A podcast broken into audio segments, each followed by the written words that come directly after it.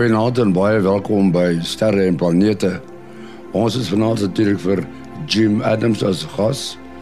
Goeienaand Jim. Goeienaand, Henny. En dan het ons vir Willie Koorts, naand Willie. Goeienaand. En Mati Hofman. Uh, naand Willie, hallo uh, Jim. Uh, naand Henny. Dit is altyd lekker om saam met julle te gesels. We start with an interesting story, and it's all about an asteroid with a new name. And Willie is the one who is going to tell us all about it. Willie? Ja, that was you could have you could have soos Afrikaanse jy kom my. So earlier this week on on Tuesday the end of of uh, February I formally retired from the Astronomical Observatory after nearly 36 years and um, and it was quite a, a, a, beautiful function. A lot of people spoke. In fact, another engineer who was there for more than twenty years, uh, we, we, sort of retired simultaneously. Anyway, long story short, um, Nick. Uh, Erasmus, who we've met on this program before, and uh, in fact, Jim knows the Atlas people. He says that's what brought him to South Africa origin, originally. Uh, um, the, uh, they announced that um, there is now a asteroid Willie in the heavens.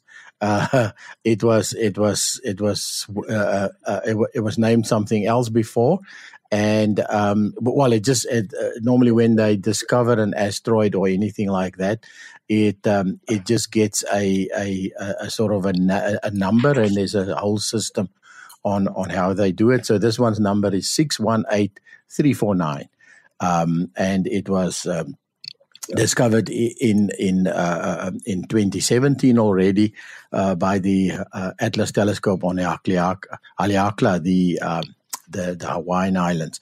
Anyway, long story short, so uh, uh, with all the work that uh, that I did, uh, uh, and well, of course, my whole career at at uh, Astronomical Observatory, they decided to um, to to name this this asteroid after me. Yeah, so the, the, the citation reads something like Willie uh, Koorts retired from South African Astronomical Observatory in 2023. Uh, his experience comprised CCDs, cryostats, general electronics, mechanics for nearly every telescope on site, which is very true. Uh, he was instrumental in the construction of the near Earth uh, object hunting Atlas uh, telescope in Sutherland and uh, was dedicated to public outreach in, in all forms. So that's the, the sort of the official official part. So um, like I say, I was I was I was really stunned. I didn't did not expect expect that. Um, and uh, s- uh, subsequently, I I asked uh, John Tonry, who's the um, the, uh, the, the the head of the of, of the program uh, in in Hawaii. Uh, a little bit about the object because my kids, the first things they ask is, "Can you see it on your own telescope?" And uh, then I saw the discovery magnitudes were like 18, 19, 20. Um, oh. So at the moment, it is it is quite far from from the sun. It's actually a so-called Mars crosser. Uh, so it's not quite a main belt asteroid, which means it's not uh, strictly between uh, Mars and Jupiter's orbits. Uh, it does get close to to Mars at, at some time, which means that it can finally be swung out of the out of the system.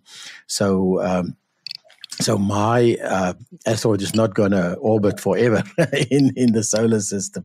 It may it it may be thrown out at some point, but in September 2024, it uh, it gets the closest to the sun, and um, and then it'll be magnitude 19, which is which is very very faint if people understand uh, um, magnitudes. Yeah, and then also they they they haven't quite calculated its uh, diameter, but he reckons it's it's got a it's it's healthy. It's got a really healthy kilometer size. He says probably full of gold and platinum. So yeah, so wow. I got a very precious present for my for my retirement uh, and all my years of work at the South African Astronomical Observatory.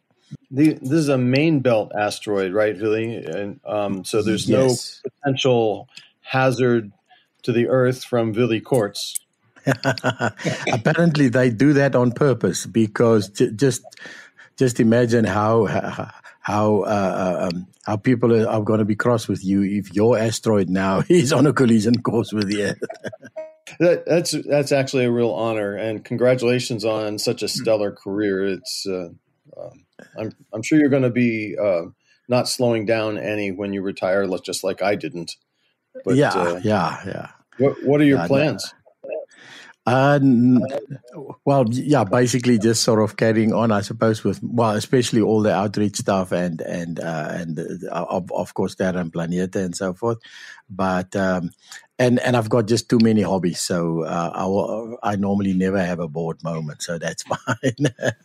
Jim, let's talk about something that James Webb Telescope has come up with the discovery of a number of huge galaxies. Yeah, but they're they're in the wrong age. So uh, recently, um, NASA and the European Space Agency and the Space Science Telescope Institute uh, here in Baltimore uh, released um, uh, images of six new galaxies that the James Webb Space Telescope has found. And, you know, um, we've been talking about telescopes as time machines, right? Because it allows you to look back uh, in time uh, to see the light as it was created um, from whatever the source is. And so, you know, like if we look at, up at the sun, that light is, uh, I forget, six or eight minutes old. But if we look at uh, at stars that are billions of light years away, then that light is billions of uh, years old.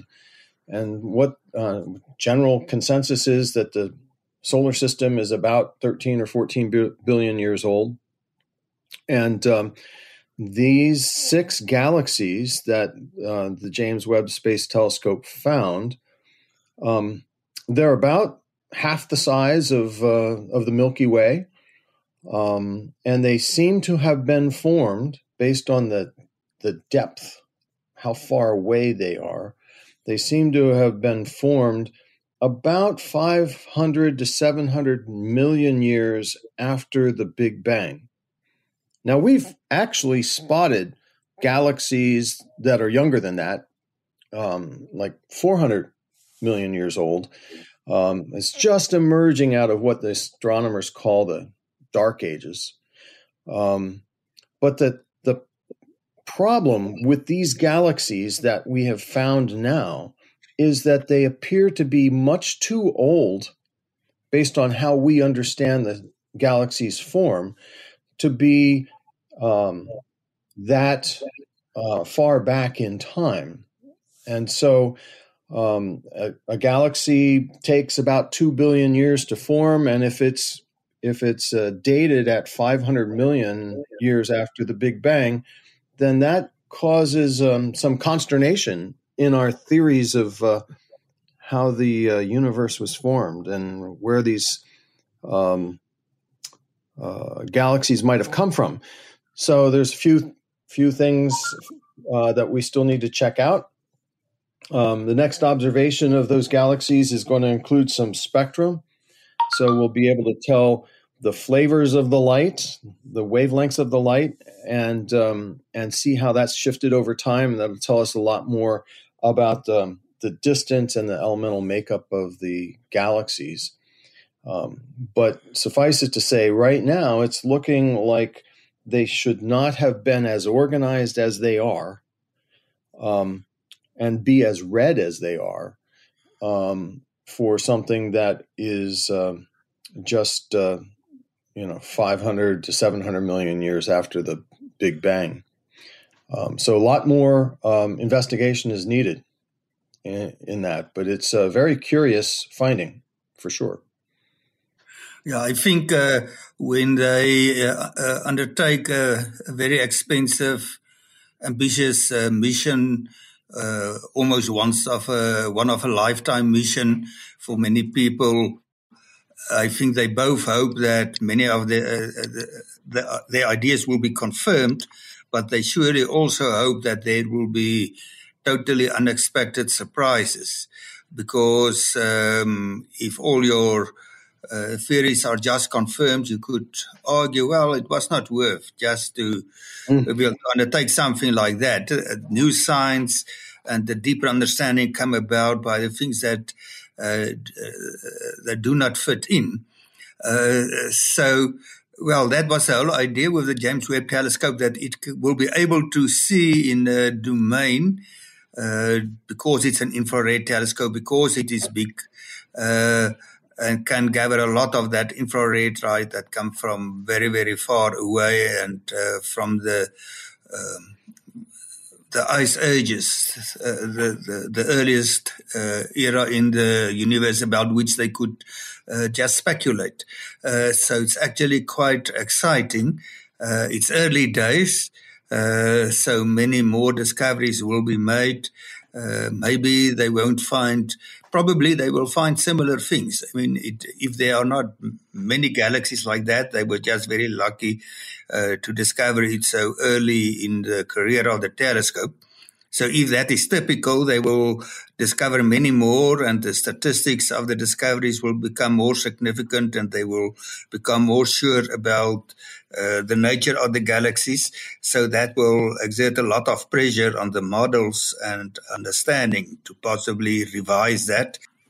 Yeah, and so uh, what's important is to validate these measurements. And the next step is to point the James Webb Space Telescope back to that region of space. It'll probably take them six months or so to get around to it because there's so many other things that want to uh, use the James Webb Space Telescope, so many other investigations. But this is important. And so they will then um, make a measurement with a spectrograph. The last measurement was made with the near infrared camera called NIRCam. The instrument on board the James Webb Space Telescope will be a spectrograph that they'll take images of the various wavelengths of the light coming from these six galaxies that will help them to date the galaxies better. It will help them to uh, determine the distance um, between us and those galaxies better, as well as uh, tell us about the elemental makeup of those galaxies. Um, and then we'll begin to start the process of um, the scientific process of determining whether or not these are actual valid measurements or whether there's something else at play in the measurement or whether there's something wrong with our theories. And uh, there's a couple of theories, right? There's one that it could be gravitational lensing. Maybe Mati, you might want to explain a little bit about that. Yeah, well, that yeah, the gravitational lensing would not change the uh, uh, the properties of the light and uh, the wavelengths and so on, but it could make it uh, those galaxies appear brighter uh, than we would expect for for that distance because that's what if there's a gravitational lens uh, in front which can be a cluster of galaxies or even well containing black holes uh, or a massive black hole, uh, for example, uh, that we find in the more recent uh, universe, we find massive black holes in the center of galaxies, and the mass of those black holes are proportional uh, to to the mass of the galaxy. So the bigger the galaxies, the more, typically the more massive those black holes are. But anyway, if you have, have a high concentration of mass, the light coming from distant objects can be focused. Uh, uh, because it's bent around that object. But of course, you need perfect, uh, almost perfect alignment between the galaxies that you want to observe, the foreground object that uh, causes the lensing, and then, of course, the Earth where uh, uh, where you find the James Webb Telescope. Well, very close to the Earth, only about one. Uh, 1.5 million kilometers compared to the uh, 12,000 uh, million light years plus that uh, they are observing it. I yeah. suppose one question that the, the public will ask is uh, how do you determine the age of a, of a galaxy? Uh, is there a sh- sh- short answer for that, or is it fairly complicated? Well, you look at the shift in the wavelength of the light that's being emitted.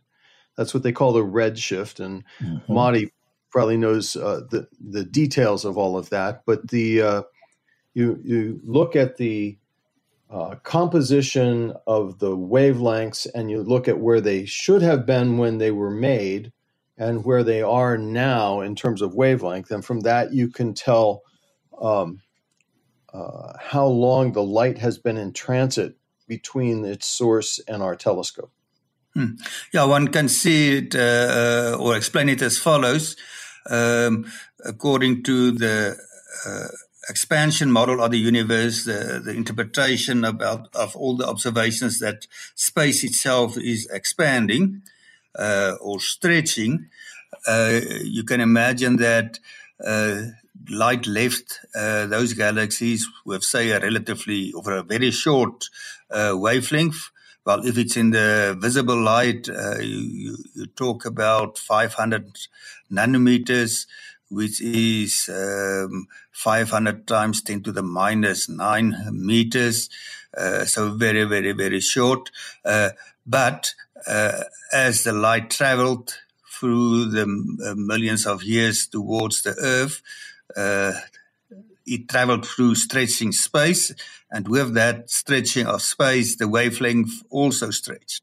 So the further, the longer it had to move uh, or to travel, um, uh, the more time there was for the wavelength to to uh, to stretch. So just by measuring the the wavelength that you observe, and you compare it with uh, you know it's part of uh, the spectrum of uh, certain elements, so you know what that wavelength should be uh, when it's emitted. You can, as, as, Jim explained, you can conclude uh, the time that it traveled, and that gives you then the information that uh, about the age of those galaxies. Yeah, and that's yeah. the fundamental um, um, conundrum that they have here, because these these galaxies um, should be dominated by uh, what they call blue light, um, but it's um, mostly been shifted down into the red, which mm. is indicative of the the time frame and the distance, as Mati just explained. Yeah, for which the James Webb Telescope um, has been designed to exactly detect yeah. objects where the wavelengths has been stretched into the infrared because it is so extremely far. It, uh, the, it, it, the light reaching us now comes from the era of the early universe, and that's what they want to investigate. So those very, very distant galaxies you can't observe in the visible light. You need to observe in the infrared light, and that's exactly what the James Webb Telescope is uh, a very sophisticated infrared telescope. And uh, not it's, it's not just that it can uh, observe the infrared light, it can observe very, very dim infrared light because it is kept at such an extremely uh, low temperature so that the thermal noise from the telescope and every uh, all the structures and instruments and the mirror itself, um, that radiation, the thermal radiation, is very very dim, and uh, you would not be able to pick up very dim radiation if the telescope made more uh, thermal noise, uh, uh, emits more brighter infrared light in that same uh, wavelength band. The other important thing about this finding is that it's an opportunity for the public to see the scientific method in uh, in process.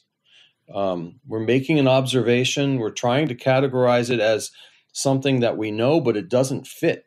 And so, okay, now what do we do? And uh, the, the, scientists will go back and they'll double check their measurements. They'll um, make confirming measurements, maybe different ways and um, then if that does if it all proves out that the measurements are valid then they'll begin to start looking at their theories of uh, their cosmological theories of how the universe mm-hmm. formed and that mm-hmm. could uh, be fundamentally changing the way we think about uh, um, the big bang and our and our own existence in the universe yeah and the theory of gravitation uh, yeah. We still uh, use Einstein's theory of uh, general relativity, and it has been extremely uh, successful. Uh, it's very complicated and counterintuitive, uh, difficult to understand well, the maths of that is difficult and it's difficult in a conceptual uh, uh, way also.